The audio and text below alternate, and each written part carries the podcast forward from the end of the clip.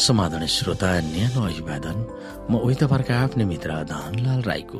श्रोता आज म तपाईँको बीचमा बाइबल सन्देश लिएर आएको छु। आजको बाइबल सन्देशको शीर्षक रहेको छ आफूसँग भएका सबै तागत र बल मिलाएर सङ्घर्षमा होमिनु भन्ने बाइबल सन्देशको उपसंहार।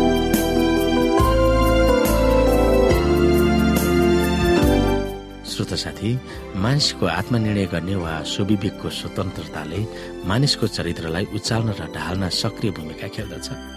शैतानको वचनमा लागेर मानिसमा हुनुपर्ने त्यो स्वेच्छा शक्ति उसैलाई सुम्पिन पुग्यो। त्यसै बेलादेखि शैतानले मानिसका दिमाग र आत्मनिर्णयको स्वतन्त्रतालाई आफ्नै कब्जामा राखेको छ। उसकै चाहना अनुसार र आफ्नै रमाइलोको निम्ति शैतानले मानिसहरूलाई फन फन्ती घुमाइरहेका छ त्यसको फलस्वरूपमा आज मानिस एकदम तल खसेको छ भ्रष्ट भएको छ र दयनीय भएको छ। प्रभुको सहायता पाउन मानिसले आफ्नो कमजोर सहायता घटी र हिंतालाई स्वीकार गर्ने पर्दछ आफूमा भएका परिवर्तनहरूलाई आफ्नै दिमागमा परिचालन गर्न सक्नु पर्दछ प्रार्थनामा लगनशील भएर भित्री हृदयदेखि नै प्रयत्न गरेर आफू जोगिन चाहने चाहना उसमा हुनुपर्दछ।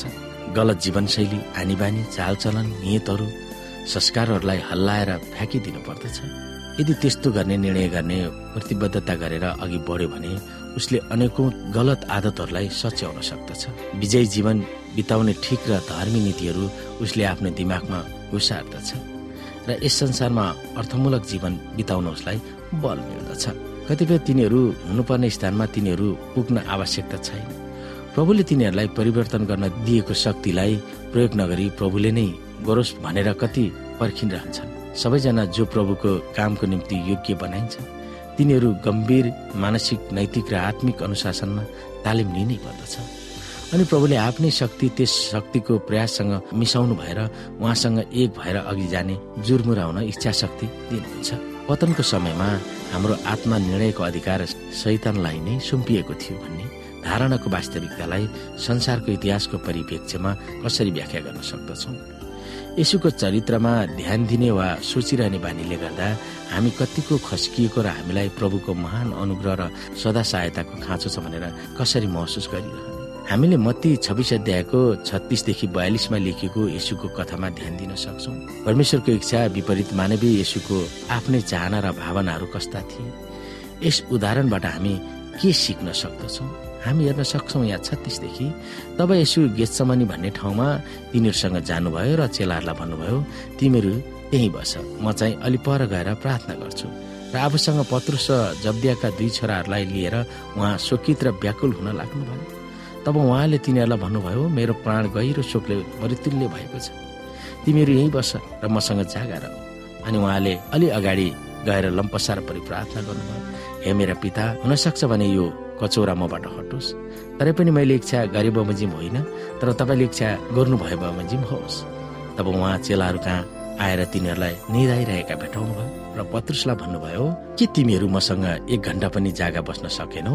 जागा रह प्रार्थना गरेर परीक्षामा नपर। आत्मा त साँच्चै तयार छ तर शरीर दुर्बल छ।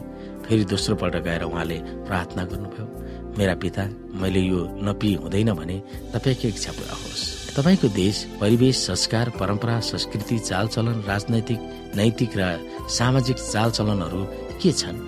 जसलाई तपाईँले समाति राख्दा तपाईँलाई शैतानले आफ्नो कब्जामा राख्न सजिलो पार्दछ। विश्वासीहरूको बीचमा यी तत्त्वहरूको बारेमा कसरी सजग बनाउने ताकि पारस्परिक रूपमा हामी सहयोग गर्न सक्दछौँ?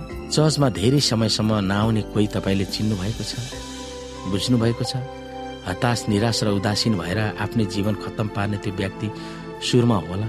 चर्चमा वा व्यक्तिगत हैसियतले त्यस खालको मानिसलाई तपाईँले कसरी सहयोग गर्न सक्नुहुन्छ?